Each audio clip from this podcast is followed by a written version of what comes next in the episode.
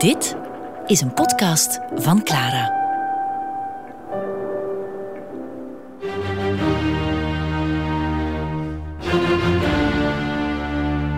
Beethoven met Jan Kaiers.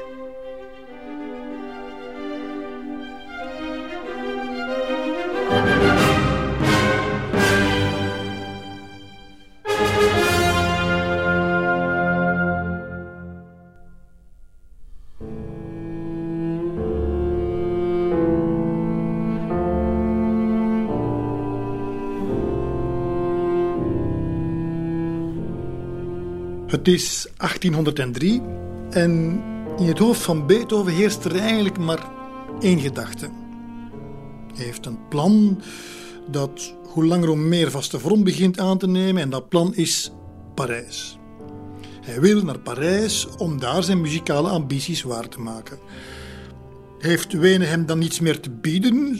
Zeker wel. Hij is immers aangesteld als composer in residence in het Theater aan der Wien, het meest moderne en progressieve theater van de stad. Hij beschikt daarover alle mogelijke modaliteiten, heeft er een orkesterbeschikking, zelfs een eigen werkkamer. En op artistiek vlak heeft hij zo goed als carte blanche. Heeft er zelfs nog maar net een tweede grote academie gehouden, waarop hij onder andere zijn tweede symfonie heeft voorgesteld en een groot oratorium Christus am Ölbergen. Dat is allemaal prachtig, maar toch. Wenen is niet Parijs. Want het is daar dat het allemaal gebeurt. Het élan en éclat van het Parijse muziekleven het is met niets te vergelijken. En het is daarvan dat Beethoven droomt. Dat heeft natuurlijk in grote mate te maken met Napoleon.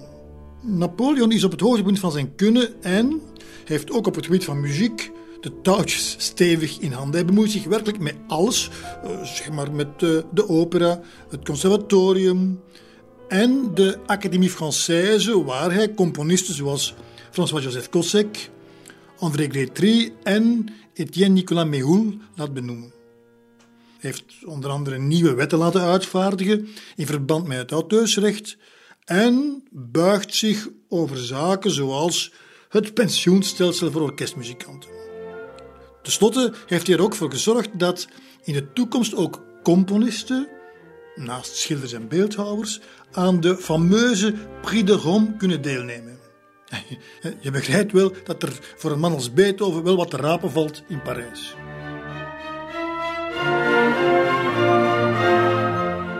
Bovendien is Beethovens naam in Parijs helemaal niet onbekend. Het Parijse publiek heeft al met enkele van zijn composities kunnen kennismaken. Zo werd op 21 november 1801, tijdens een concert van de Société des Concerts Français, nota bene onder de auspiciën van mevrouw Bonaparte, de fameuze Josephine, hm, zijn eerste symfonie uitgevoerd.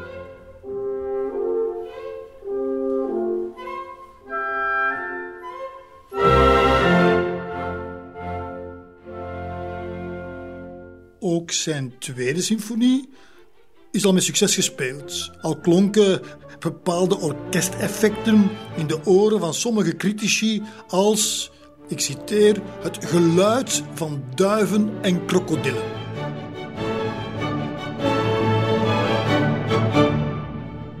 Beethoven bereidt zijn verhuizing zorgvuldig voor. Hij laat zijn uitgever Nicolaus Simrock wiens broer Heinrich in 1802 een filiaal in Parijs had geopend, een aantal pianosonates en kamermuziekwerken op de markt brengen. En dat met de bedoeling nog wat meer naambekendheid te verwerven bij het brede publiek. Onder beroepsmuzici is Beethovens reputatie al stevig gevestigd. Dat blijkt bijvoorbeeld uit het feit dat de Parijse klavierbouwer Sébastien Erard hem in augustus 1803 een prachtige vleugelpiano schenkt. Merkwaardig is ook dat Beethoven denkt dat de Franse violist Rodolphe Kreutzer daarvoor iets tussen zit. Hij denkt namelijk dat Kreutzer de loftrompet heeft geblazen bij de pianobouwer en daarom besluit hij om zijn nieuw gecomponeerde vioolsonate in La Groot, het opus 47, aan Kreutzer op te dragen.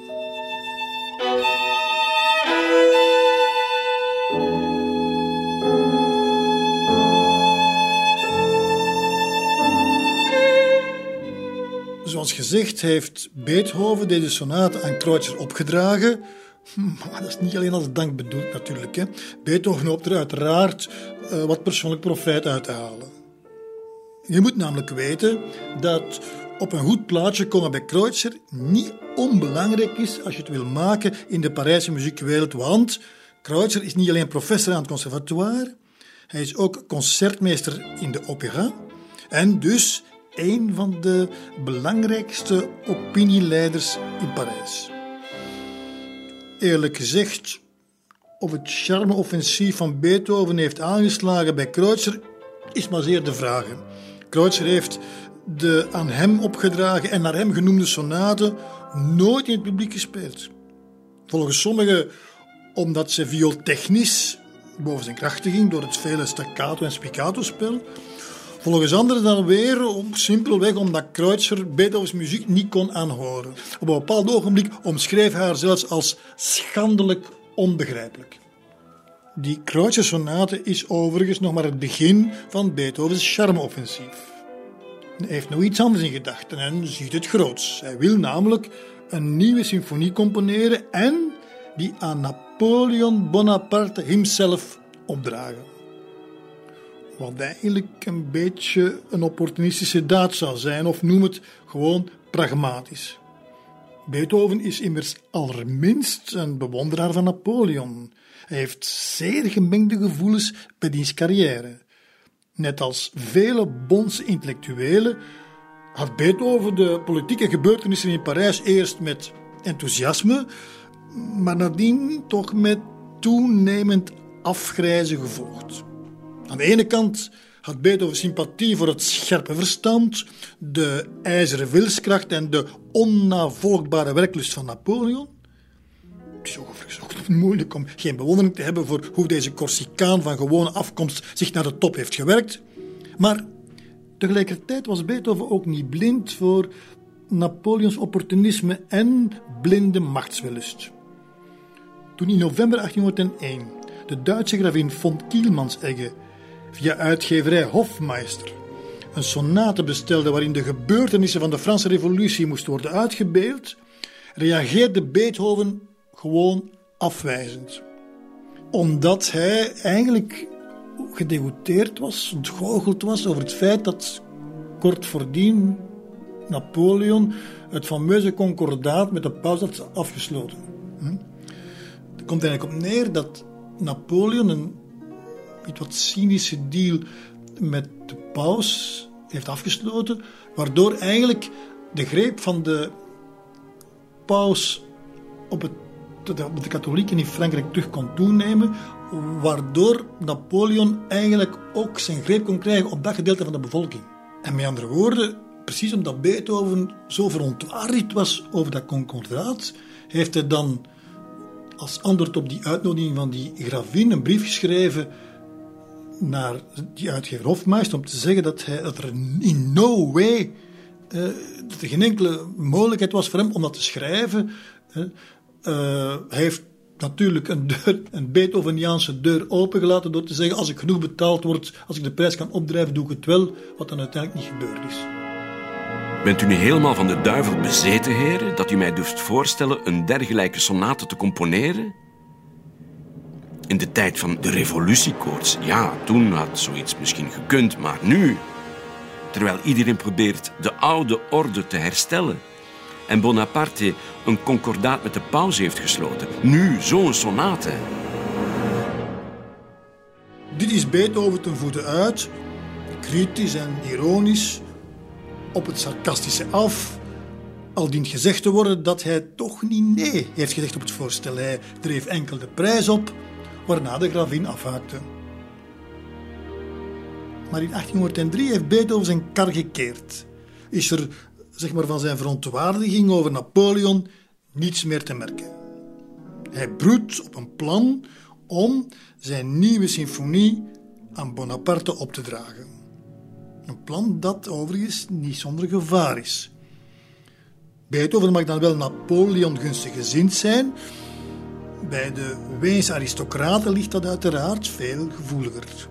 En die Weense aristocraten zijn tot nader order nog altijd zijn broodheren. Al die prinsen, graven en baronnen hebben om begrijpelijke redenen een diep gewortelde aversie tegen alles wat met Frankrijk te maken heeft. Bijvoorbeeld bij de gedachte wat Marie-Antoinette, de tante van de huidige keizer, toch hè, overkomen is, voelen ze ook hun eigen nek jeuken. Maar Beethoven voelt toch wel aan dat het politieke klimaat de laatste maanden aan het kandelen is en dat hij zich misschien kan permitteren om op twee paarden te wedden.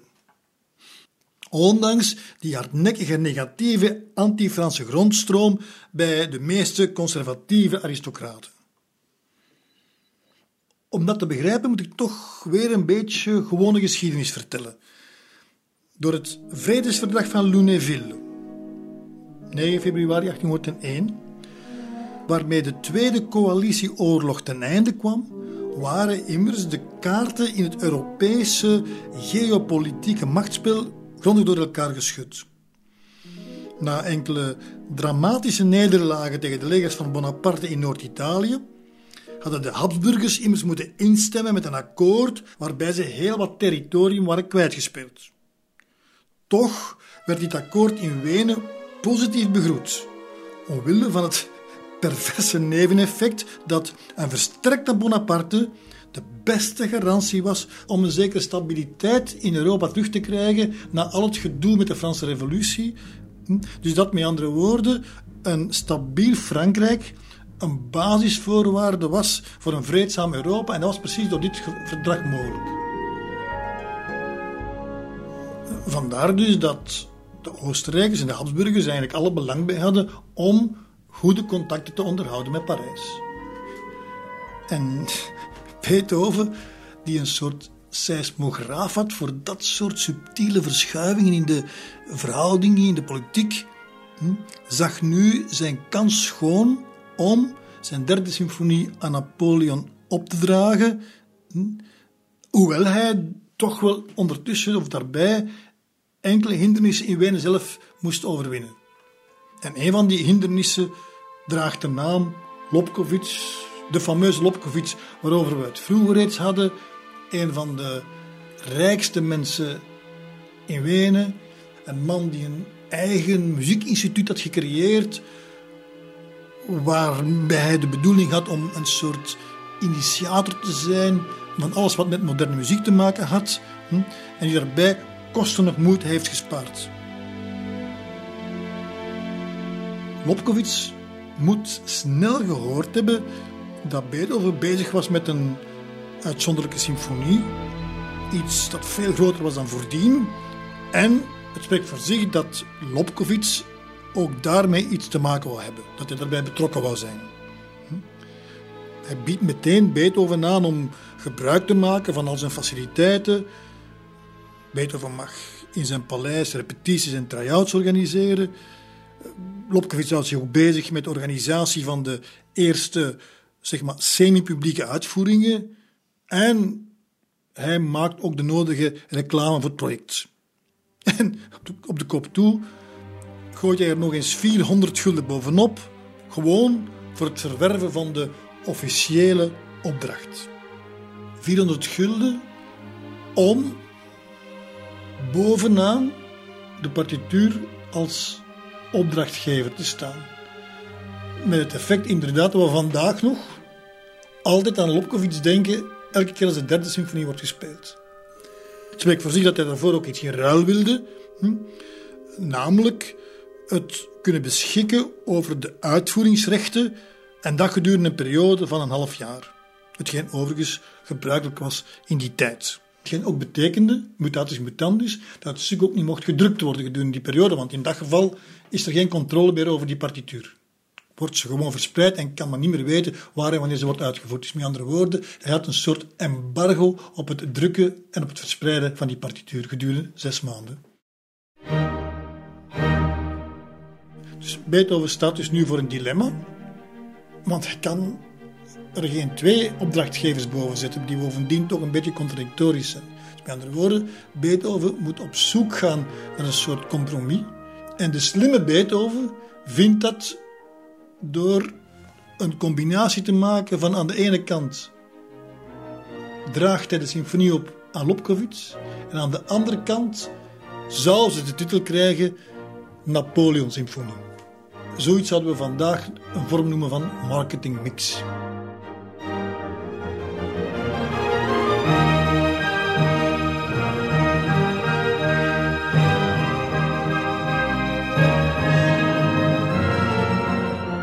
Eind mei, begin juni 1804 worden dan de eerste repetities gehouden ten huize van Lobkowitz. En dat gebeurt in de opperste concentratie.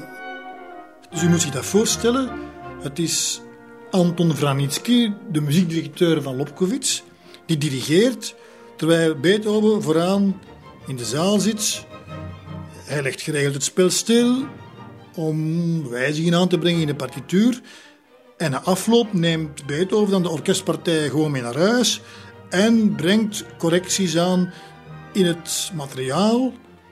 En op die manier kan hij de volgende dag zijn verbeterde versie opnieuw beluisteren en eventueel verder retoucheren met alle gevolgen van dien dat we vandaag met die orkestpartijen zitten waarin notities staan die dan niet in de partituur staan en omgekeerd, wat het heel moeilijk maakt om zeg maar een authentieke, originele versie van de derde symfonie te reconstrueren.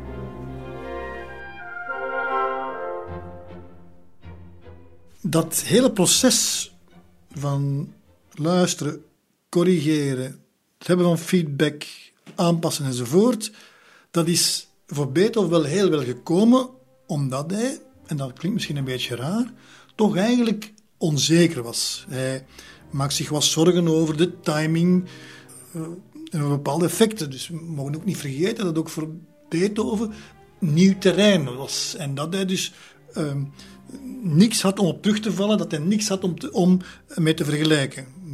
En dus is dan vrij logisch dat Beethoven, voor wie het beste niet goed genoeg was, zichzelf voortdurend in vraag stelde. Vandaar dat die repetities en die try-outs bij Lobkowitz zo belangrijk geweest zijn om te hebben wat we nu hebben.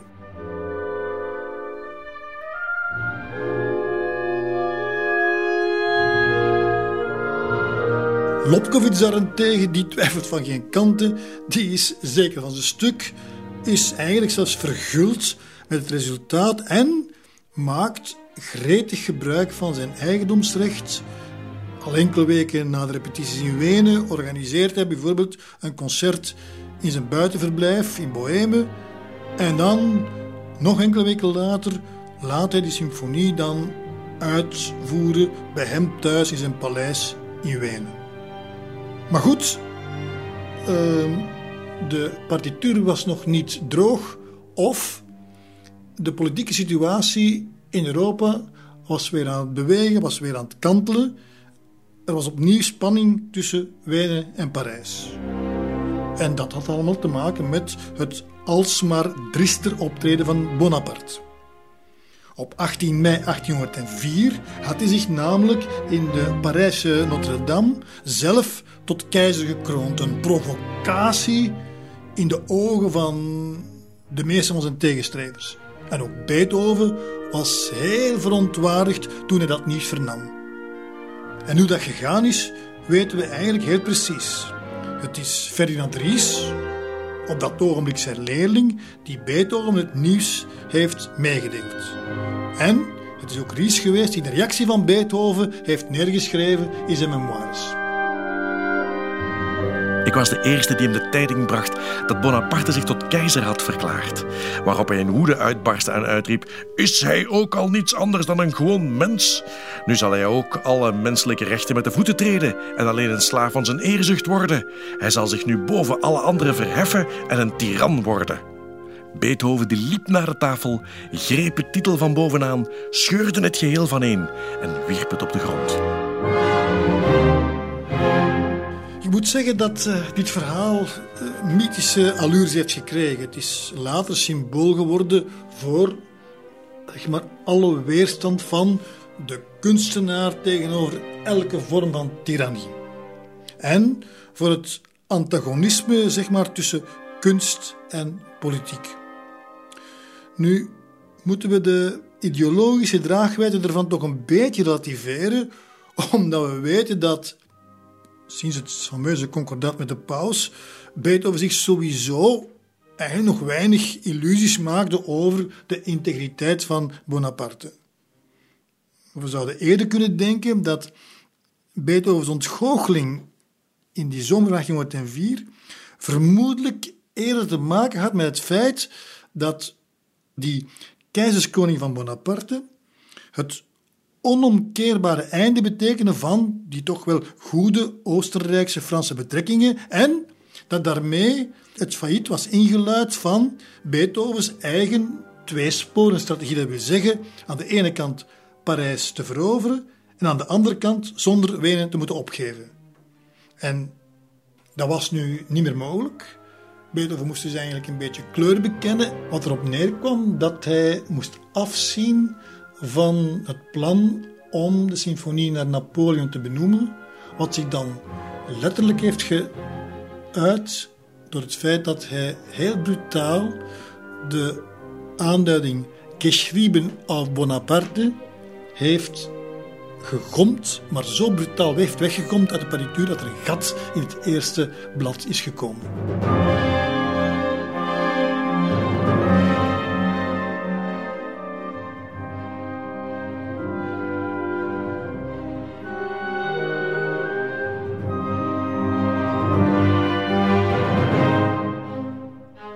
Staat dus nu definitief vast dat uh, Beethoven zijn Parijse plannen moet opgeven en dat hij terug 100% de kaart Wenen gaat trekken. Wat zich onder meer heeft geuit in de manier waarop hij eigenlijk de derde symfonie in Wenen op de kaart heeft gezet. De brutale liquidatie van de naam Napoleon op de titelpagina van de Eroica is precies een soort voorbode van een alsmaar toenemende verslechtering van de relatie tussen Frankrijk en Oostenrijk. De gebeurtenissen volgen elkaar inderdaad snel op. En er vormt zich een nieuwe anti-Franse coalitie, waartoe onder meer Oostenrijk, maar ook Pruisen en Rusland toetreden. Het gevolg is een nieuwe oorlog, waarvan we weten hoe die afloopt. De Fransen rukken op naar Wenen, ondervinden daarbij nauwelijks weerstand en nemen de stad gewoon in. Bonaparte maakt de vernedering compleet door te gaan slapen, luistert u goed, te gaan slapen in het bed van keizerin Maria Theresia in Schönbrunn. Maria Theresia zijnde de moeder van alle Oostenrijkers. De geallieerde troepen putten wat tegen, maar moeten zich dan de 2 december 1805 gewonnen geven bij de legendarische slag bij Austerlitz. Dus in deze situatie, in deze constellatie, kan Beto inderdaad dus niet anders dan zijn Parijse plannen definitief opbergen.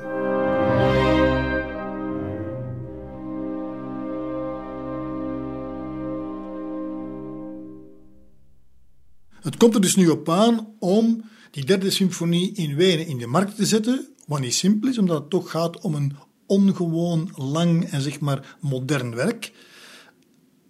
Eerst worden er twee semi-private uitvoeringen gegeven in kleinere kringen met de bedoeling van zeg maar de groep van welgezinde en muzikaal onderlegde met andere woorden aristocratische diehards op te warmen voor het stuk. Hm? De eerste vindt plaats bij baron Jozef Wurt hm? en het tweede in het concertzaaltje van Lobkowitz. En dan kunt u de vraag stellen, hoe komt dat eigenlijk dat Lobkowitz, want dat klinkt niet logisch, hè, dat Lobkowitz de tweede uitvoering heeft gekregen, want normalerwijze door het feit dat hij betaald had voor de opdracht, had hij het recht om de eerste te hebben. Dus hoe komt het dan dat baron Woert die eerste opvoering heeft gekregen? Wel, dat is vrij simpel. We kunnen ervan uitgaan dat Woert heel veel geld op tafel heeft gelegd. Dus die strategie is heel duidelijk. Hm?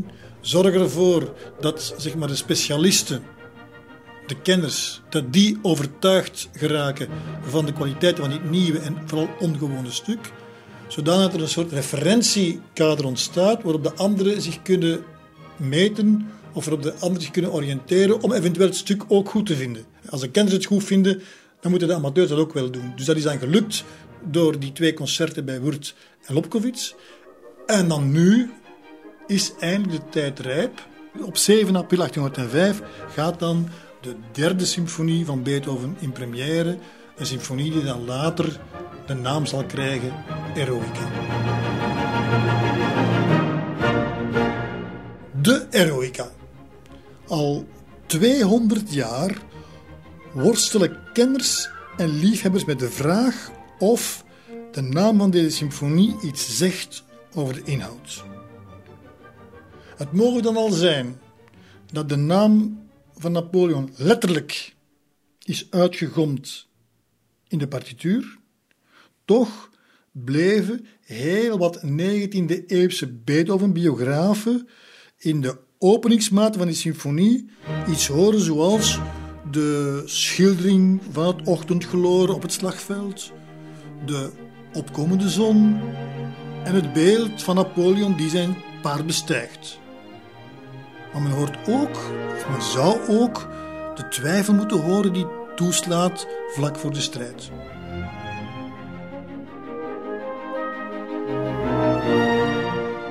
Beeld van Napoleon is natuurlijk heel verleidelijk. Maar eigenlijk zou het net zo goed om een andere held kunnen gaan. Waarom ook niet Prometheus of de Hector uit Ilias? Of gewoon de universele held.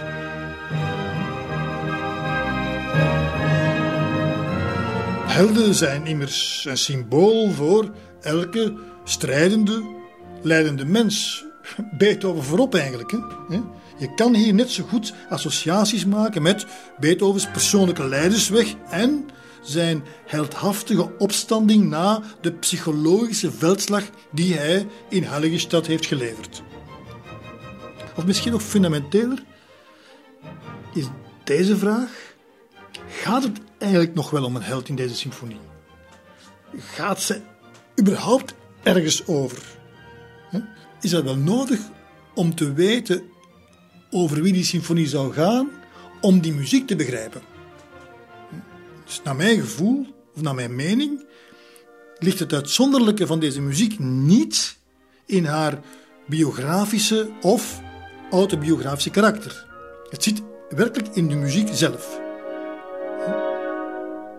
Voor mij is deze symfonie in de eerste plaats, om dan even in dezelfde terminologie te blijven, een compositorische heldendaad. Hm? Dit is muziek die gewoon een nieuw tijdperk inluidt. Ik zou bijna durven zeggen, het is een compleet nieuwe beleving van tijd en ruimte. Alleen al maar door haar lengte. Die symfonie duurt meer dan 50 minuten. Dat is veel langer dan al datgene wat voordien op het symfonische vlak is gepresteerd. Bijvoorbeeld, die Eroica is werkelijk 10 minuten langer dan de Jupiter-symfonie van Mozart, de langste symfonie van Mozart. Hm? Dat lijkt heel weinig te zijn, die 10 minuten, maar dat is heel wezenlijk. Dat is een hele wereld van verschil, die 10 minuten. Die kan je niet zomaar overbruggen door, door links en rechts wat uitdagingen aan te brengen. Dat veronderstelt gewoon een compleet nieuw samenspel tussen materiaal en de vorm.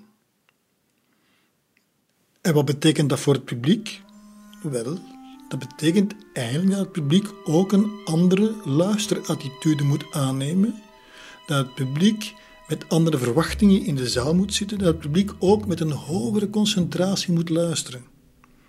Dat is de reden waarom Beethoven van oordeel was, en heeft dat ook aanbevolen, om zijn derde symfonie bij het begin van een concert te spelen, op het moment dat het publiek nog fris is. Hij was van oordeel dat de symfonie heel veel van haar kracht en effect zou missen wanneer ze beluisterd wordt door een vermoeid publiek. Dat was zeker zo voor de mensen die de 7 april 1805 in de zaal zaten. De mensen hadden gehoord dat er iets bijzonders te beleven was en ze waren talrijk aanwezig. En ze waren ook fris en luisterbereid, geconcentreerd aanwezig. Maar met welke instelling ze er ook zitten, eigenlijk weten ze niet wat hen te wachten staat. En het is allemaal heel moeilijk voor hen om dat in één keer te slikken. Het is inderdaad lang en zwaar. Er zijn vreemde modulaties en brutale overgangen. Het valt helemaal niet te rijmen met datgene wat ze tot dan toe van muziek hebben verwacht. En vanzelfsprekend hebben ook de critici het heel moeilijk. Eh, ze hebben het over, en ik citeer, een niet bepaald nastrevenswaardige originaliteit. Of het hebben het over muziek die gebukt gaat onder een ongetemd streven naar het opvallende en het uitzonderlijke. Op een bepaald ogenblik is er zelfs iemand die van op de bovenste galerij schreeuwt: Ik geef er geld voor als het toch maar ophoudt. En misschien is het interessant om de mening te horen van een recensent van de gezaghebbende Allgemeine Musikalische Zeitung. En daar is er eentje om in te kaderen. Deze lange en moeilijk uit te voeren symfonie is eigenlijk een uit de hand gelopen wilde fantasie. Het ontbreekt haar niet aan treffende en mooie passages waarin men het talent van haar schepper kan herkennen. Maar, helaas, gaat zij ten onder aan anarchie. De recensent behoort werkelijk tot Beethovens vurigste bewonderaars, maar bij dit werk moet hij toch toegeven dat er te veel schrille, te veel bizarre momenten zijn, waardoor het overzicht wordt bemoeilijkt en het gevoel van eenheid verloren gaat. De symfonie, die een volledig uur duurt, zou er echter oneindig veel baat bij hebben wanneer Beethoven zou beslissen haar in te korten en in het geheel meer licht, klaarheid en structuur te brengen. Als zelfs bij herhaaldelijk beluisteren de concentratie verslapt, ja, moet dit elke objectieve muziekkenner opvallen.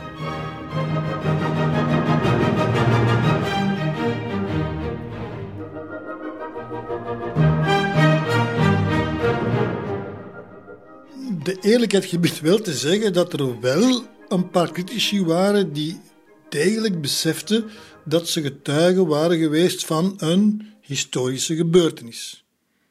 Bijvoorbeeld de Heidekenner Griesingen noemde het een geniale symfonie. En een andere criticus was ook overtuigd van de draagwijte ervan, maar voegde er wel aan toe, en dat is interessant, dat het nog een paar duizend jaar zou duren, werkelijk, ik citeer, een paar duizend jaren, voor het publiek voldoende opgeleid zou zijn om de schoonheid van deze symfonie te begrijpen.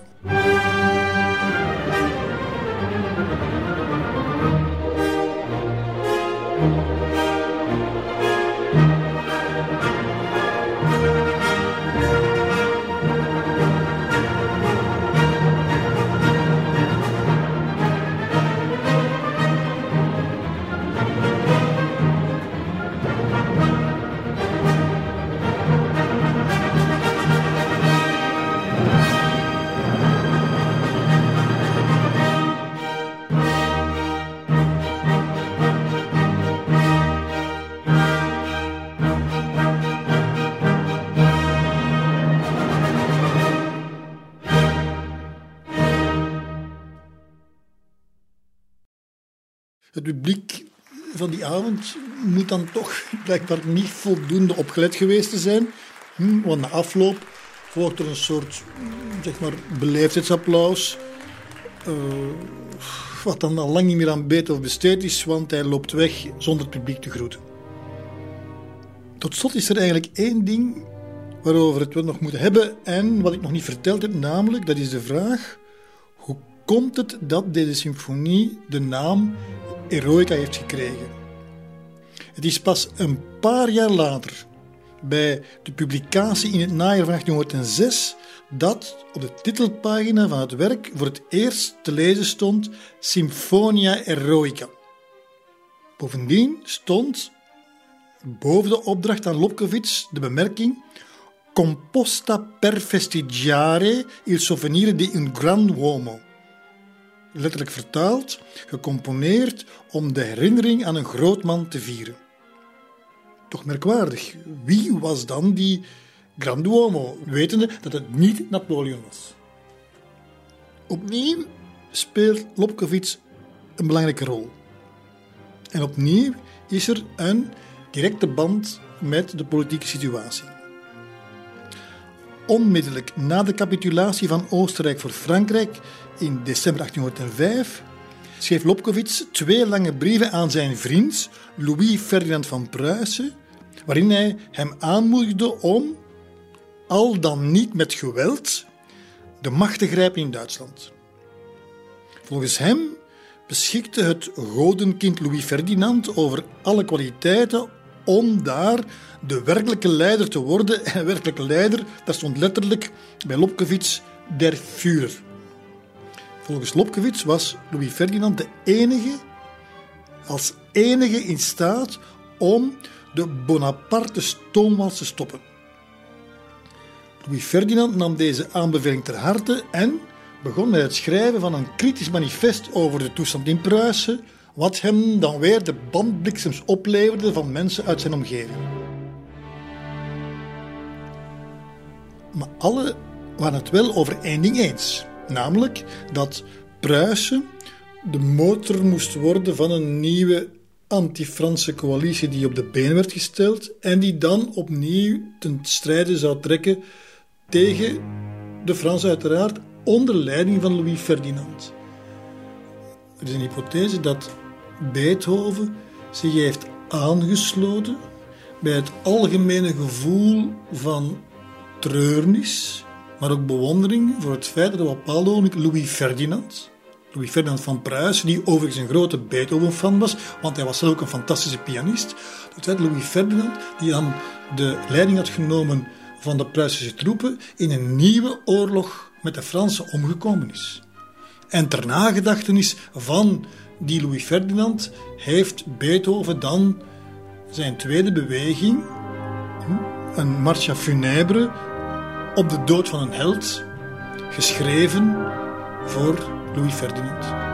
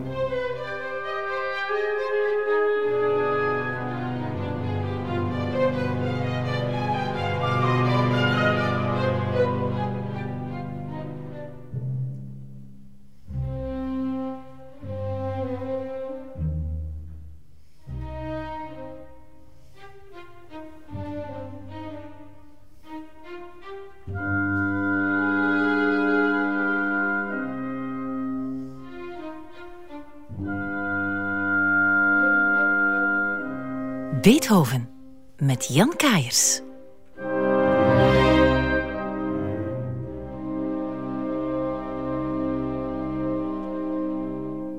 De vraag is: mocht de Eroica, mocht ze in Parijs zijn uitgevoerd, wat toch eigenlijk oorspronkelijk de bedoeling was, zou die op meer bijval hebben kunnen rekenen?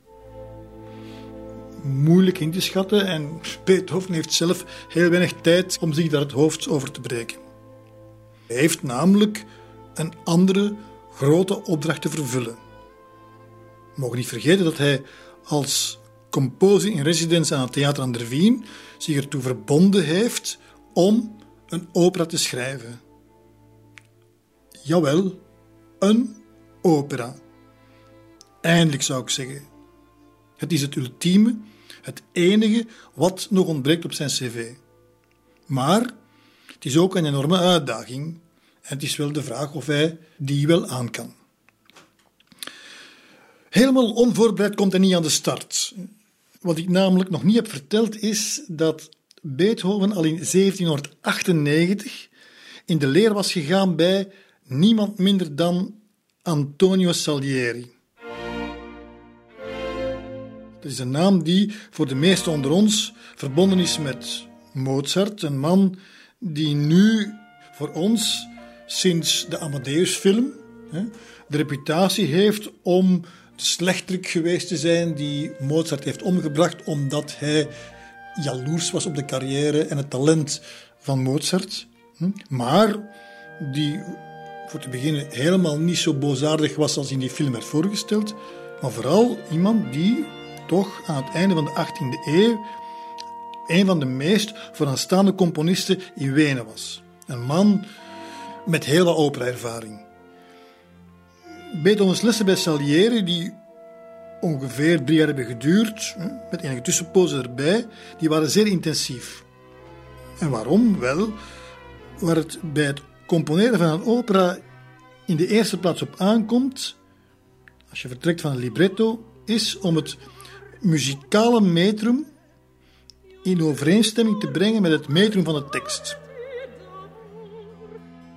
Om dat te bereiken hanteerde Salieri de beproefde methode om de tekst zoveel als mogelijk te declameren tot de melodie zich als het ware opdringt onder het motto goed gesproken is half gezongen.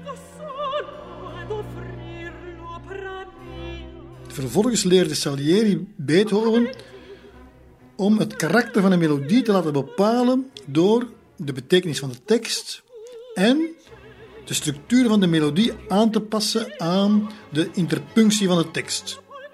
Dat en een hoop andere kleinere technische zaken waar we hier niet op ingaan. Wel interessant om weten is dat Salieri Beethoven oefeningen liet maken waarbij hij voornamelijk Italiaanse teksten liet toonzetten.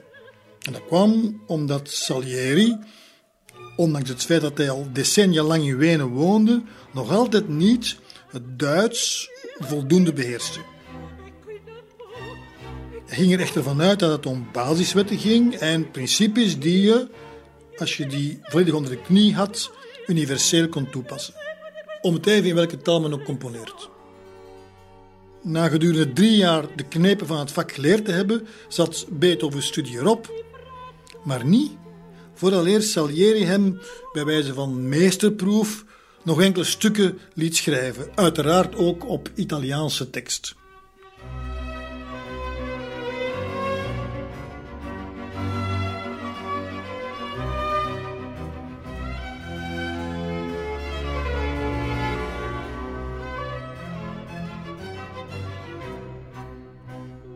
to.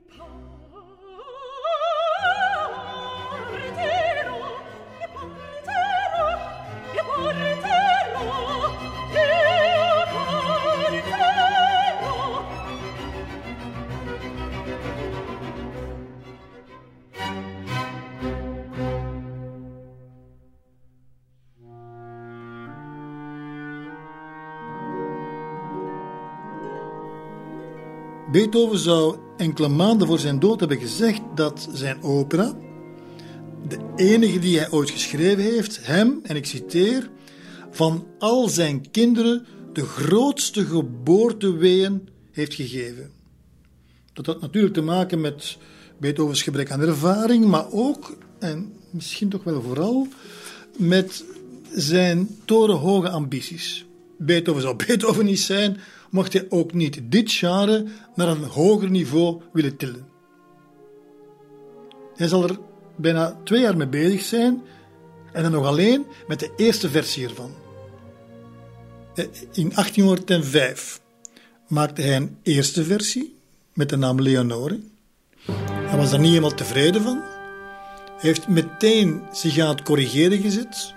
Het jaar nadien komt er een tweede versie, ook nog onder de naam Leonore. En ook dat was niet helemaal bevredigend. En dan bijna tien jaar later, 1814, komt dan uiteindelijk een derde versie. Degene die wij eigenlijk vandaag het meeste kennen, namelijk de Fidelio. En ook daarvan kan je zeggen, of kan je afvragen of Beethoven er helemaal tevreden over was. Met andere woorden, eigenlijk kan je zeggen dat dat hele opera-project het karakter had van een soort work in progress. Laten we teruggaan naar de eerste versie. De man die verantwoordelijk is voor het libretto is Jozef Zonleitner, de artistiek directeur van het Theater aan der Wien, ook een goede vriend van Beethoven. Het materiaal waarmee Zonleitner aan de slag gaat, is niet nieuw. Het moet een bewerking worden van een reeds bestaand libretto van de Franse dichter Nicolas Bouilly, ook met de titel Leonore. Wat is het verhaal van dit libretto? Wel, het is nogal politiek geladen. Iets wat later nog tot grote problemen zal leiden. Het mag niet vergeten, we leven op dat ogenblik in politiek geladen tijden met een censuur die toch wel altijd op de hoede is voor revolutiekoorts. Het verhaal gaat dat die Nicolas Bouilly ten tijde van de Franse Revolutie getuige is geweest van een heldendaad van een vrouw. Een vrouw die haar ten onrechte gevangen genomen echtgenoot had weten te bevrijden door zich als man te verkleden. En het was dat gegeven dat Bouilly had uitgewerkt tot een opera-libretto. Het werd voor de eerste keer op de planken gebracht in 1798 in Parijs als een zogenaamde opera comique. Op muziek van ene Pierre Gavot, een man die je eigenlijk nauwelijks een componist kan noemen, eerder een soort liedjesrijmelaar. Bouilly was daarbij wel zo slim geweest om de actie van de opera naar Spanje te verplaatsen, waardoor hij handig de censuur wist te omzeilen. Maar niettemin bleef het wel een typisch voorbeeld van wat men later de reddingsopera zou noemen. Dat zijn operas waarin het verhaal altijd draait om de bevrijding van één of meerdere zeg maar, sukkelaars uit de klauwen van een op macht beluste en corrupte despoot. Men kan begrijpen dat ze in het nogal reactionaire Wenen niet zaten te wachten op dat soort opruiende verhaaltjes. Maar voorlopig laat Beethoven zich daar niet door afschrikken. In maart 1804 laat hij aan Zonleitner weten dat hij toch graag in april het afgewerkte libretto zou ontvangen, zodat hij flink kan doorwerken om vervolgens in juni al de opera te laten uitvoeren. Jawel, in juni. Beethoven gaat er dus vanuit dat hij twee maanden nodig heeft om een opera te schrijven. Dus heel optimistisch, dat is een enorm teken van zelfoverschatting. Uiteindelijk zou het er bijna twee jaar worden. Met andere woorden, tussen 1804 en 1806 is Beethoven nog uitsluitend bezig geweest met het schrijven van een opera die gaat over de oneindige kracht van de onvoorwaardelijke liefde. En wil nu het toeval dat uitgerekend in deze periode Beethoven de meest intense liefdesverhouding heeft beleefd van heel zijn leven. Want wie daagt er weer op in de zomer van 1804? Niemand minder dan Josephine van Brunswick. U kent ze nog, de mooie Josephine aan wie Beethoven enkele jaren eerder zijn hart had verloren, maar die je toen niet had kunnen krijgen omdat zij werd uitgehuwd aan een veel oudere en vooral sociaal beter gekwalificeerde man dan Beethoven, namelijk Jozef Dijm.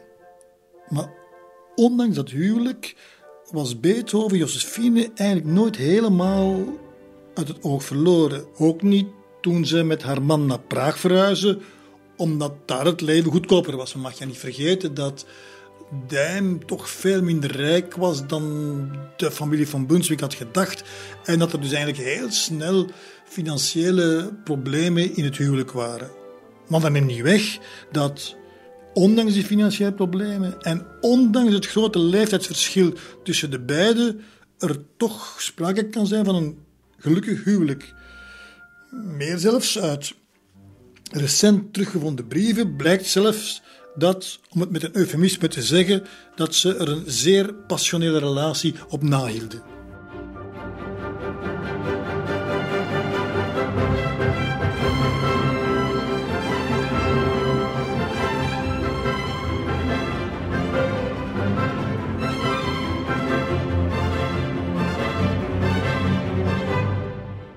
Maar dan gebeurde iets dat alles op zijn kop zou zetten. Op 27 januari 1804 overleed Jozef Dijn plots.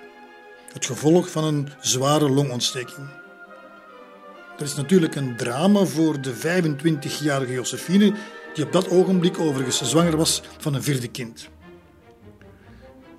De dood van haar man heeft, buiten de emotionele gevolgen, ook enorme financiële consequenties. Het vermogen dat ze van haar man erft is relatief gering, waardoor Josephine niet anders kan dan terug te keren naar Wenen om daar steun te zoeken bij familie en vrienden. Ze gaat zelfs op audiëntie bij de keizer, die haar probeert te troosten met de woorden, ik citeer, Ween niet, uw kinderen zijn de mijne. Dat is erg vriendelijk van de keizer, maar het zijn natuurlijk woorden waarmee je niks koopt. Josephine wordt ziek en balanceert op de rand van een zenuwinzinking. Het is tenslotte haar zus Charlotte die haar aanraadt om haar zinnen te verzetten door opnieuw contact op te nemen met haar vroegere pianoleraar Beethoven. Beethoven heeft zich tot dan toe discreet op afstand gehouden, zoals het overigens hoort ten aanzien van een jonge weduwe. Maar nu haastte zich naar Josephine om zeg maar, zijn muziektherapeutische diensten aan te bieden. En zo nemen ze de draad van vijf jaar eerder weer op. Het werk aan zijn opera kan Beethoven blijkbaar even gestolen worden, want bijna dagelijks gaat hij naar Josephine om haar les te geven, maar vooral om haar te entertainen. Hij is bijzonder innemend en speelt, zonder dat hij daartoe moet aangemaand worden, voor zijn patiënten urenlang de mooiste muziek. En ook in zijn brieven voel je dat Josephine hem nog zeer genegen is. Ik stond er gisteren niet bij stil dat ik bij machten was om uw verlangen naar nieuwe muziek te stillen. De tweede sonate in bijgaande bundel is nieuw. Nog niemand in Wenen bezit deze. En ik moet daarom met klem verzoeken hem ook aan niemand te geven mag ik morgen tegen de avond het voorrecht genieten om u en Charlotte gezelschap te houden. Mijn hartelijke groeten, beste goede gravin. Uw meest toegenegen Beethoven.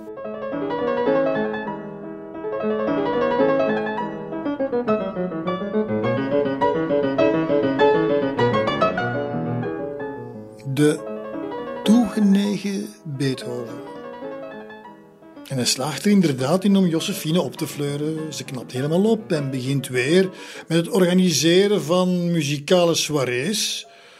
Als we haar vriendinnen mogen geloven, het gezelschap betovert met haar bescheiden elegantie, goede smaak en nog steeds onweerstaanbare uitstraling.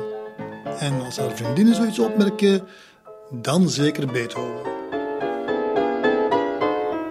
Ik heb geloof ik gisteren niet goed opgelet, beste Josephine. Nodigde u mij niet uit om bij u te komen dineren? Als u me daadwerkelijk heeft uitgenodigd, kom ik zeker.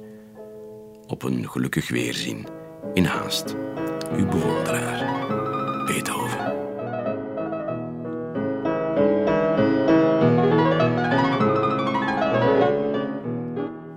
Uw bewonderaar. Zijn toon wordt alsmaar meer vertrouwelijk. En in het najaar van 1804 wordt het nog vertrouwelijker. Zeer vertrouwelijk zelfs, want dan schenkt hij haar een bijzonder cadeau. Een lied dat hij aan haar heeft opgedragen. Een lied met de veelzeggende titel An die Hoffnung. Aan de hoop. O Hoffnung, las durch dich emporgehoben, den Doel der Ahnen, das dort oben ein Engel seine Tränen zählt. Het is natuurlijk niets minder dan een liefdesverklaring, weliswaar in cryptische vorm, maar toch. Zijn tedere bewondering is duidelijk omgeslagen in pure verliefdheid.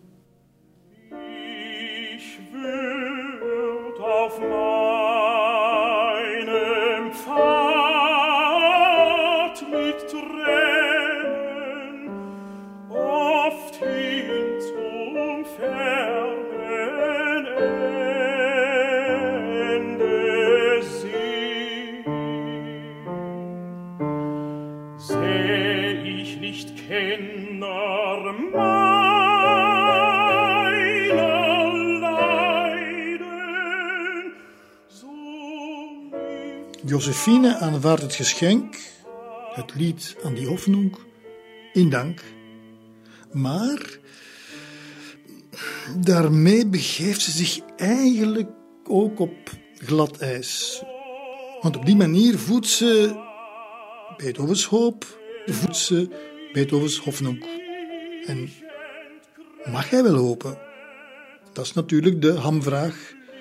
Josephine is nog maar net weduwe en een gravin bovendien. Dat betekent dat ze zich toch wel aan bepaalde gedragsregels moet houden. Dat tracht ze ook te doen, zij het in de mate van het mogelijke. Ze vertoeft graag in het gezelschap van Beethoven, maar ze wil ook ten alle prijzen vermijden dat er over hen geroddeld wordt. Meer dan eens vraagt ze Beethoven om de grootste discretie in acht te nemen.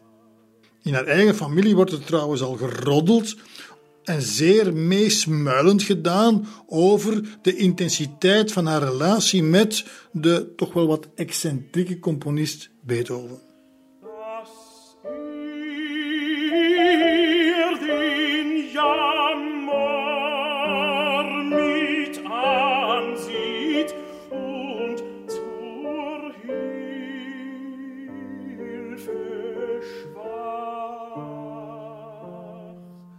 Op 19 december 1804 schrijft Josephines jongste zus Charlotte bijvoorbeeld, ik citeer, Beethoven komt zeer dikwijls en geeft les aan Pepi, dat is de koosnaam van Josephine. Dat is nu al gevaarlijk, moet ik eerlijk bekennen. Twee dagen later volgt er een gelijkaardig alarmerend bericht aan de broer Frans. Ik citeer. Beethoven is bijna dagelijks bij ons. Hij geeft les aan Pipchen. De rest laat zich raden, mijn beste. En nog iets later schrijft de andere zus Therese aan Charlotte. Maar zeg eens, Josephine en Beethoven, wat moet daarvan komen? Beethoven daarentegen, verliefd tot over zijn oren, voelt zich dit keer niet meer geremd door de maatschappelijke barrières, door het verschil in stand, door al die codes enzovoort. Dat kan hem allemaal gestolen worden. Hij is gewoon niet langer meer in staat om er rekening mee te houden.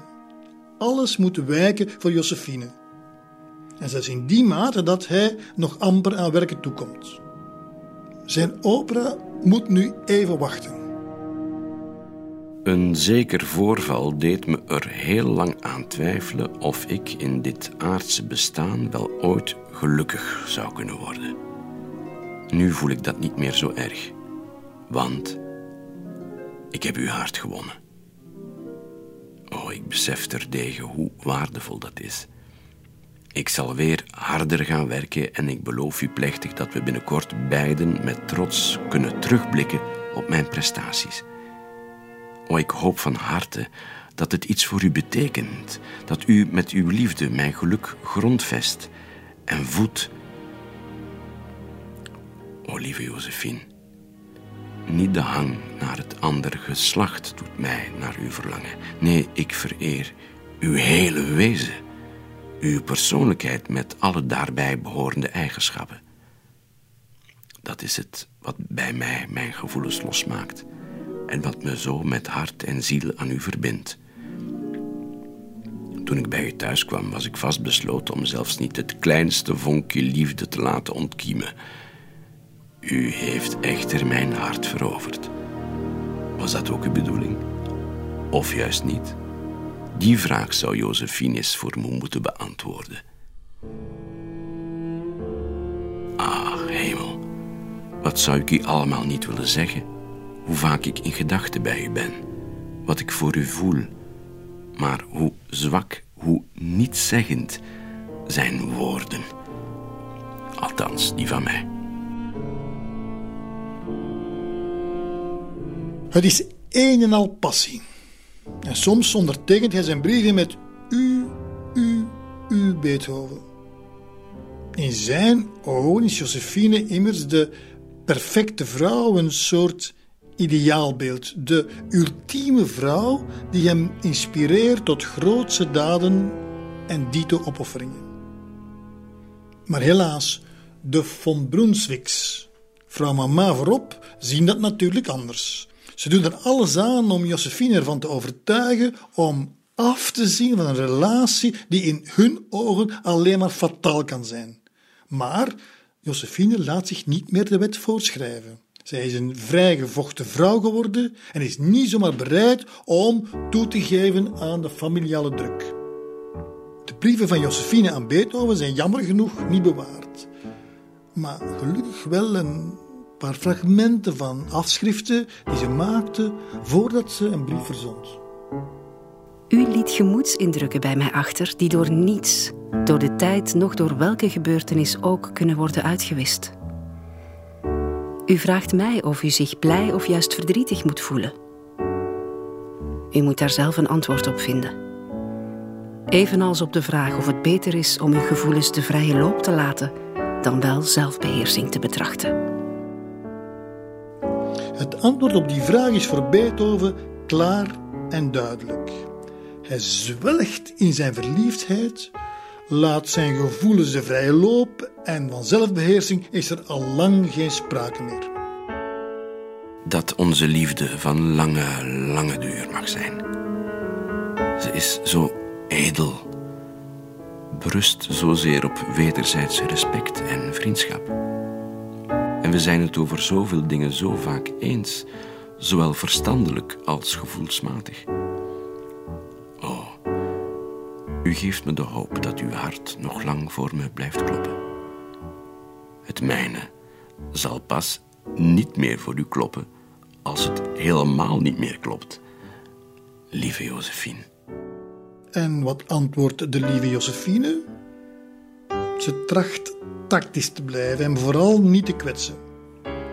Maar ze blijft er vooral op hameren om toch alsjeblieft discreet te blijven. U heeft mijn hart al lang veroverd, beste Beethoven. Als ik er u een plezier mee doe dat te verklaren, dan doe ik dat hierbij. Deze bekentenis komt uit een zuiver hart. Zorgt u ervoor dat deze ook door een zuiver hart wordt bewaard.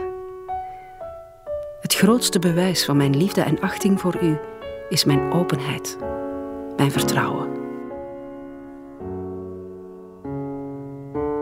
Beethoven en Josephine blijven elkaar ontmoeten, maar zoveel als mogelijk ontrokken aan nieuwsgierige blikken.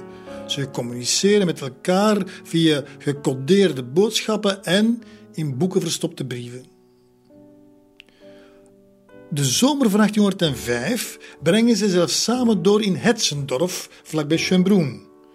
Destijds een landelijk en rustig dorpje dat vooral het voordeel heeft dat het als vakantiebestemming veel minder en vogue was dan bijvoorbeeld het snobistische baden, hetgeen natuurlijk een grotere discretie garandeerde.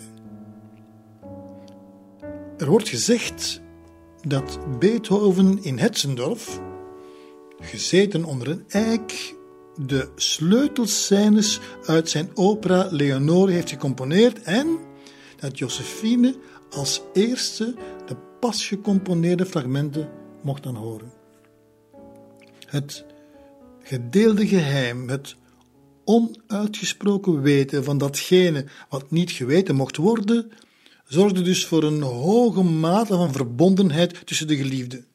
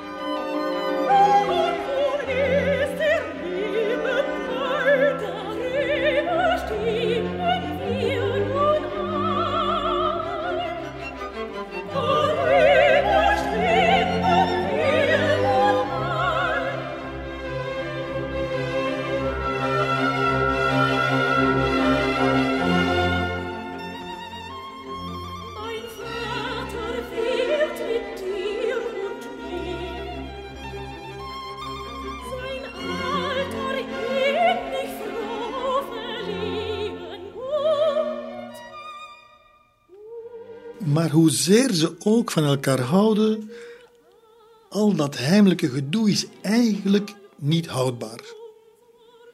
Beethoven is ook maar een man van vlees en bloed. met dus ook bepaalde, zeg maar, fysieke verlangens.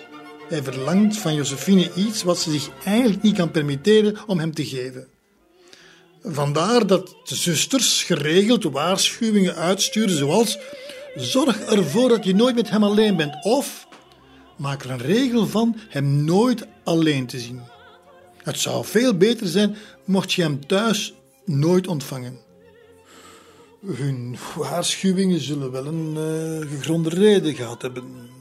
Het is geweten hoe ontvlambaar Josephine eigenlijk was. Haar eerste echtgenoot had daar bij manier van spreken maar in de ogen hoeven te kijken en ze was al zwanger. En dat was het laatste wat ze nu wilde. Het mocht dan al zijn dat in die tijd in Wenen de helft van de kinderen onwettig werd geboren of niet eens wist wie de natuurlijke vader was. Een weduwe die zwanger was, was voor de Weners een verderfelijke vrouw.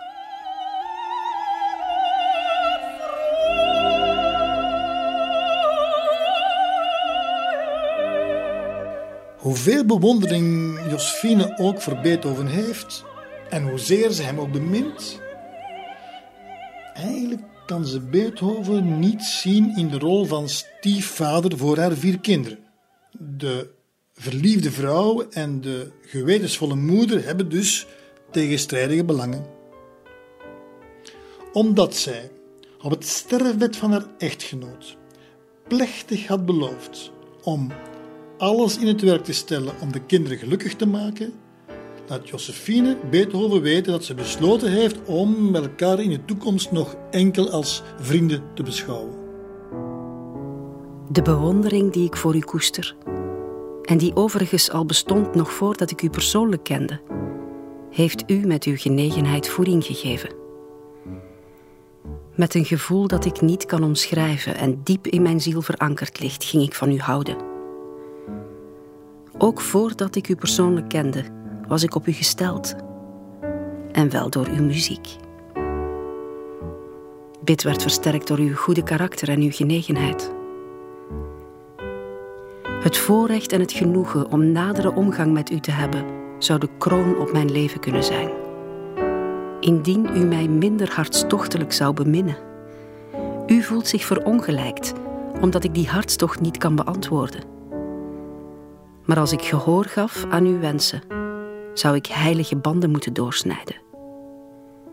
U moet me geloven als ik zeg dat ik zelf nog het meeste lijd onder de vervulling van mijn plichten.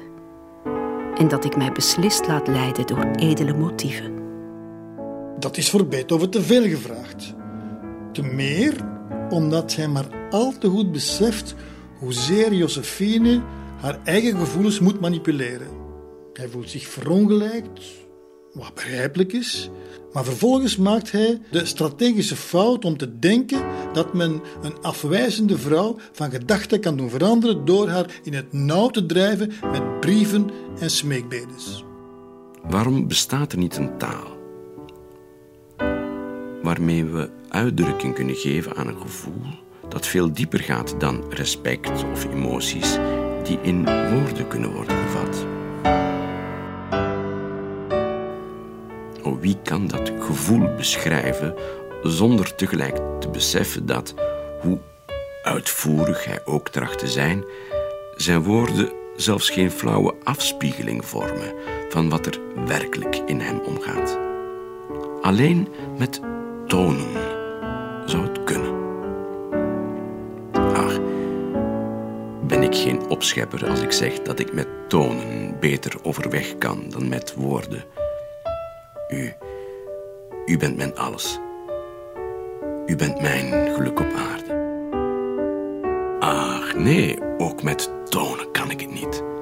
Ofschoon jij, moeder natuur, me in dat opzicht allerminst karig hebt bedeeld, volstaan ook tonen niet om een beeld van u te schetsen.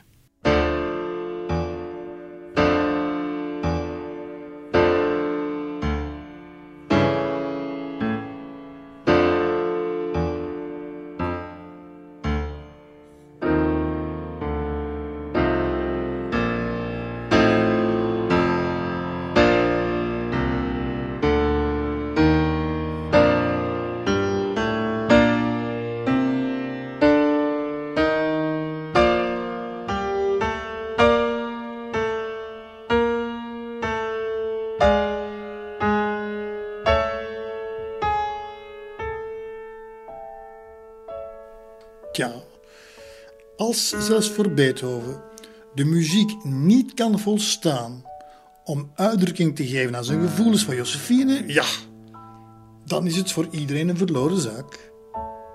Het is dus allemaal te vergeefs. Beethoven kan Josephine niet meer voor zich winnen. Ook al trekt hij in zijn brieven aan haar alle registers open, het kan haast niet pathetischer. Arm hart. Blijf in stilte maar kloppen. Meer vermag je niet te doen. Voor u. Altijd voor u. Enkel voor u. Eeuwig voor u. Tot in het graf voor u. Mijn troost. Mijn alles. O schepper, waak over haar. Zegen haar dagen. Laat de ongemakken van het leven op mij neerkomen. Zij is de enige. Schenk haar kracht. Zegen haar. Troost haar in dit armzalige, maar toch ook zo gelukkige bestaan van ons stervelingen. Zelfs al had ik het nieuwe alvast dat ik in het leven heb gevonden niet aan haar te danken, dan nog was ze mijn uitverkorene. Helaas, helaas, al die pathetiek, al zijn hartstochtelijke smeekbedes, ze halen niets uit. Josephine is gewoon niet te vermurven. Hoezeer ze ook van hem houdt en hoezeer het haar ook verdriet, ze kan niet geven wat hij van haar verlangt. U verdient mijn allerdiepste respect en vertrouwen. Mocht u zich hierbij neerleggen en mijn hart niet verder breken door nog verder aan te dringen.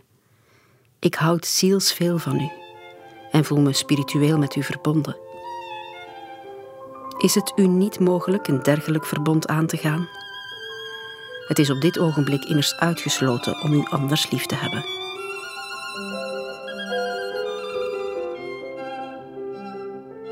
Hem anders liefhebben. Nee, dat wil hij niet aanvaarden en dat kan hij niet aanvaarden. Hij blijft aandringen, niet beseffende dat hij met elke nieuwe toenaderingspoging zijn eigen kansen verkleint. Er volgt een periode van onzekerheid, twijfel en argwaan. Dit laatste vooral bij Beethoven, ondanks felle vermaningen van Josephine. Als u weet dat ik om u geef en dat ik waarde hecht aan uw vriendschap, hoe kunt u mij dan krenken? Mij, die vol vertrouwen haar ziel aan u openbaarde. Meer dan wat op grond van onze korte omgang eigenlijk gerechtvaardigd was. Mij, die zoals u goed weet weinig reden heeft om vrolijk door het leven te gaan. Hoe kunt u zo iemand verdriet doen door geen vertrouwen te tonen in de standvastigheid van haar karakter? Uw hart weerhoudt er u blijkbaar niet van mij van bepaalde zaken te beschuldigen. Je voelt dat de conversatietoon bitsiger wordt. En het wordt nog erger wanneer het Beethoven ter oren komt dat een of ander edelmannetje geprobeerd heeft om Josephine iets te nadrukkelijk het hof te maken en dat zij dit bovendien duidelijk liet welgevallen. Hij beschuldigt haar van ontrouw. Maar Josephine speelt de vermoorde onschuld. Ontrouw? Een aristocratische dame als ik. Hoe durf je me daarvan te beschuldigen? U beseft niet hoezeer u me kwetst. U beoordeelt mij helemaal verkeerd. U weet vaak zelf niet wat u teweeg brengt, welke gevoelens er bij mij leven. Indien u om mij geeft, heeft u dan meer consideratie. En wat belangrijk is, wantrouwt u mij niet. Ik kan niet onder woorden brengen hoe krenkend het voor me is, terwijl ik maar al te goed besef hoeveel offers ik breng om deugdzaamheid en plichtsbesef te betrachten jegens mijn kinderen, verdacht te worden gemaakt, ook al wordt het niet met zoveel woorden uitgesproken. De verdachtmaking waarmee u me zo vaak op krenkende wijze confronteert, doet me buitengewoon verdriet. Ik werp zoiets verre van mij en verafschuw die ordinaire, buitengewoon ordinaire aandachttrekkerij van mijn geslachtsgenoten. Ik voel me daarboven verheven en mij in zulke kunstgrepen niet te hoeven toepassen. Josephine die zich verstopt achter het schild van de morele verontwaardiging. Ik denk dat Beethoven ondertussen wel begrepen heeft dat hij aan het vechten is voor een verloren zaak. Er is nog één ontwerp van een brief van Josephine aan Beethoven. Het is niet gedateerd, maar er klinkt iets van een afscheid in door.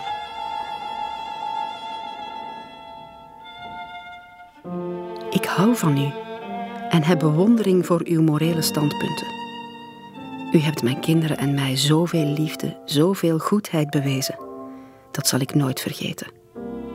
En zolang ik leef, zal ik uw lotgenoot blijven en doen wat ik kan om aan uw geluk bij te dragen. U moet me echter niet kwalijk nemen dat ik.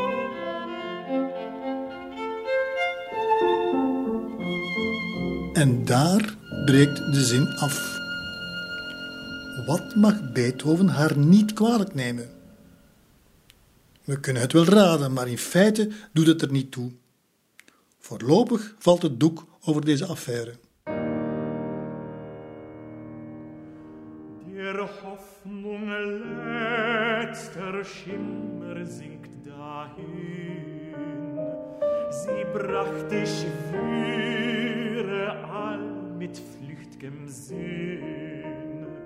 So schwinde mir zum Trost auch immer dar. Bewusstsein, Bewusstsein, dass ich zu glücklich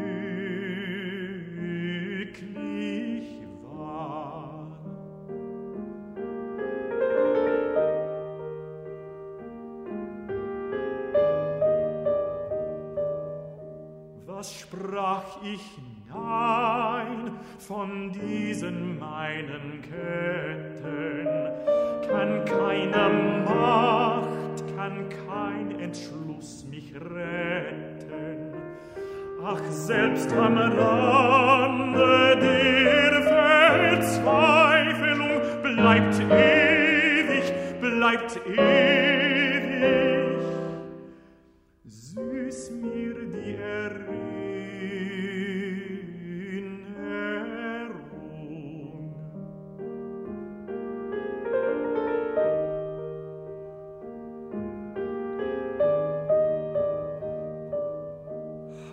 Holde Hoffnung, kehr zu mir zurücke.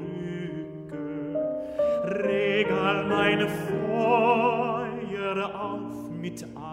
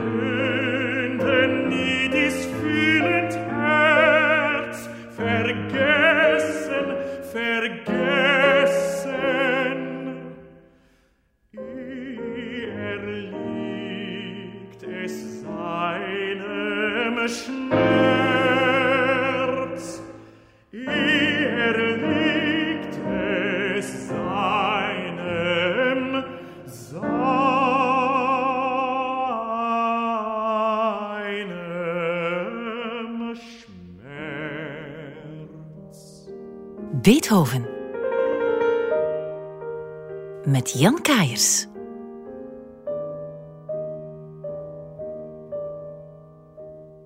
Als die geliefde zich trennen volte, wanneer de geliefde mij verlaat. Veel verbeelding hebben we niet nodig om te weten aan wie Beethoven gedacht heeft toen hij dit lied componeerde. Maar het is misschien maar goed dat dit hoofdstuk voor even afgesloten is. Beethoven moet zijn hoofd immers vrijmaken om zich te concentreren op de première van zijn opera in het theater aan der Wien. Wat ik u nog niet heb verteld, en dat is toch belangrijk om te weten als u wilt begrijpen wat er zich nu gaat afspelen, is dat er zich achter de schermen van het theater een jaar eerder een ware stoelendans heeft plaatsgevonden. De grote initiatiefnemer en visionair Chicaneder had moeten plaatsnemen voor een nieuwe directeur. En het was niemand minder dan Brown, de eeuwige kiezel in de schoen van Beethoven. Tenminste, dat zou je toch denken als je hun voorgeschiedenis bekijkt. De manier waarop Brown had dwars gelegen toen Beethoven zijn eerste academie wou organiseren. U herinnert zich nog wel. Maar nu liggen de kaarten toch enigszins anders. In het wenen van toen kunnen de vijanden van gisteren heel snel de vrienden van morgen worden en omgekeerd. Brown, die in zijn voorstadtheater minder rekening hoeft te houden met intriges en manipulaties in de hofkringen, vindt in Beethoven een welkome compaan om zijn pas verworven huis een gezicht te geven. Cruciaal voor Beethoven is vooral het feit dat Braun Jozef von Zondleitner benoemt tot artistiek directeur. Het is de bedoeling om de première van Leonore te laten plaatsvinden op 15 oktober 1805. Maar dan komt er opeens een grote kink in de kabel. Op 13 september, dus 14 dagen voor de première, komt het bericht van de censuurbeambte dat het stuk in zijn huidige vorm niet kan passeren. En dat is toch wel heel vreemd, omdat je mocht aannemen dat Zo'n Leitner, die dus de tekst had geschreven, en die zeer goed de gevoeligheden van de Hofburg kende en heel goed wist uh, zich te bewegen in de achterkamertjes van de Hofburg, die had zonder twijfel geweten waar de grenzen lagen van het incasseringsvermogen van het regime. Dus dat op een bepaald ogenblik de Habsburgse staatsleiders het gevoel zouden gehad hebben dat deze opera een indirecte kritiek was op het huidige systeem, was vreemd. En Zonleider had um, zijn voorzorgen genomen, zeg maar wat, door het verhaal te verplaatsen naar de 16e eeuw, maar ook door het dan nog eens te laten afspelen in Sevilla, dus eigenlijk ver van huis. Dus ja, het is een aftasten geweest van waar de grens lag en blijkbaar had Zonleider zich daarop uh, verkeken. Uiteindelijk heeft men een aantal correcties doorgevoerd in de tekst, voornamelijk in de gesproken gedeeltes, waar men een beetje zeg maar, de grofste scène had weggeknipt en een aantal uitspraken afgezwakt. En dan is het ding toch gepasseerd, hoewel eigenlijk aan de echte inhoud van het stuk van de opera niet geraakt is geworden. Maar door al die problemen met de censuur zijn er wel kostbare dagen verloren gegaan en moet de première uitgesteld worden naar eind november, wat overigens Beethoven niet heel slecht uitkwam, omdat hij toch nog niet helemaal klaar was met de compositie. Hm? Kwam er dan nog eens bij dat hij ziek wordt. We weten allemaal, dat was een oud zeer, dat in stresssituaties vooral zijn darmen bepaalde alarmsignalen hebben uitgestuurd. En als het dan eindelijk zover was, zijn er de klassieke moeilijkheden bij de repetities, conflicten met de zangers die geïrriteerd zijn door ja, toch wel de ongewone zangtechnische eisen die Beethoven heeft opgelegd. Dus het voorbeeld van de bas Sebastian Mayer, die er maar niet in slaagde om in een bepaalde passage de toon te houden. En dan Mayer, die meer zelfingenomen dan stemvast is, meet zich een eer aan omdat hij toevallig de schoonbroer van Mozart is. En hij roept op een bepaald ogenblik uit dat een dergelijke vervloekte onzin zijn zwager nooit zou hebben geschreven. En dan zijn er nog de problemen in de orkestbak. Bijvoorbeeld op een bepaald ogenblik ontbreekt, tot grote ontstentenis van Beethoven, de contrafagot tijdens de generaalrepetitie. Er is kleine opstoot, maar gelukkig is er Lobkowitz die in de zaal zit om eventuele branden te blussen. Hij kende Beethoven al langer. Hij wist wat er kon gebeuren. En hij begaat de stommiteit door te stellen dat er twee fagotten aanwezig zijn en dat dat moet volstaan. Zoiets zeg je natuurlijk tegen Beethoven niet. Als hij een contrafagot schrijft, dan moet er ook een contrafagot klinken. Op de terugweg naar de repetitie is Beethoven nog altijd zo boos dat hij voor het paleis van de prins gaat staan en zich omkeert en roept: Ezel van een Lobkowitz!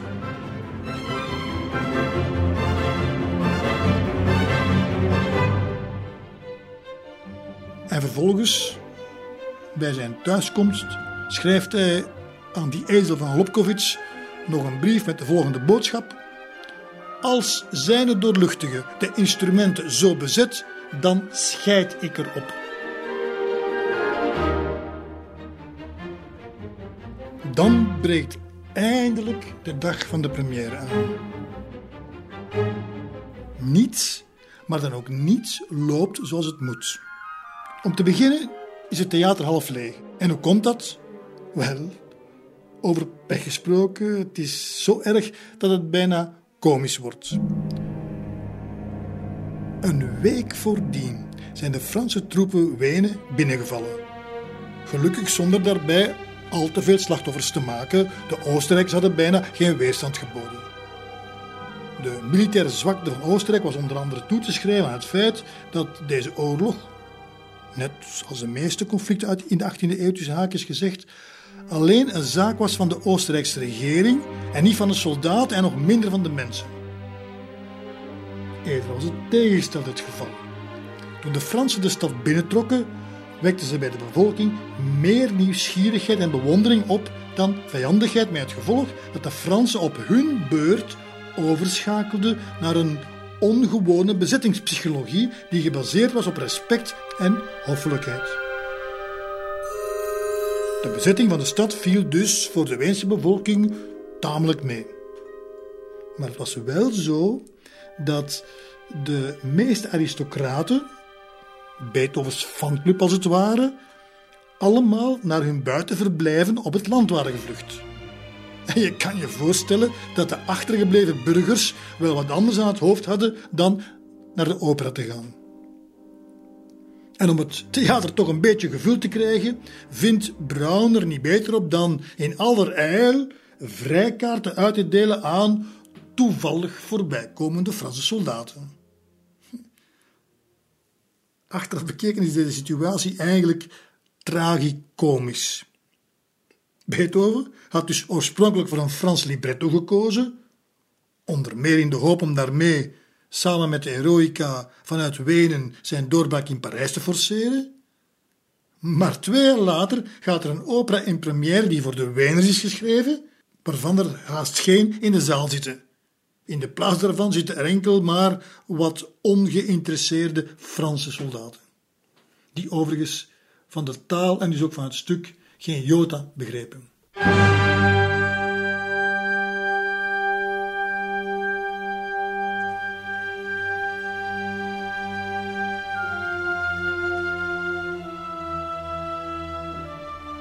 Ondanks het debakkelen van de première kan men zeggen dat Beethovens eerste opera een fantastisch stuk was.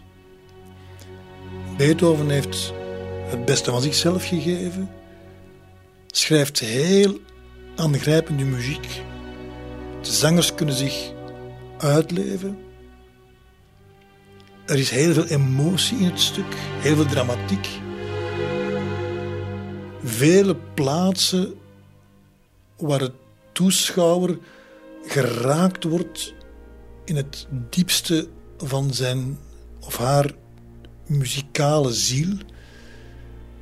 Voor mij is het fragment waarin de gevangenen aan het einde van het tweede bedrijf even naar buiten mogen komen om lucht te happen.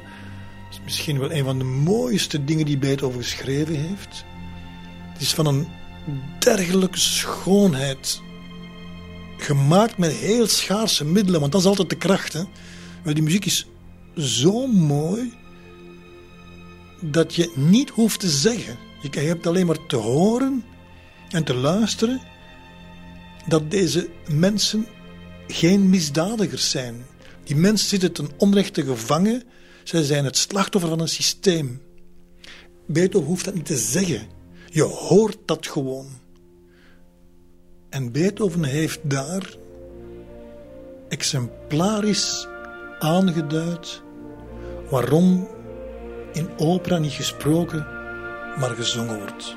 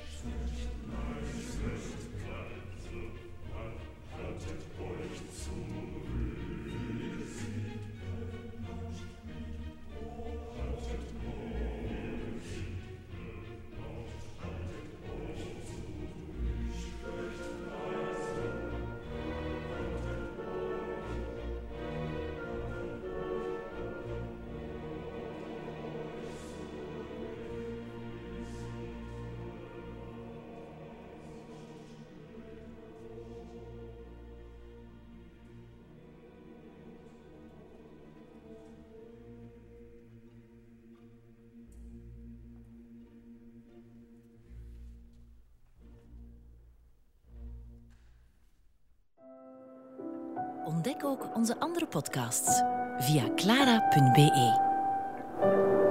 Clara Podcast. Blijf verwonderd.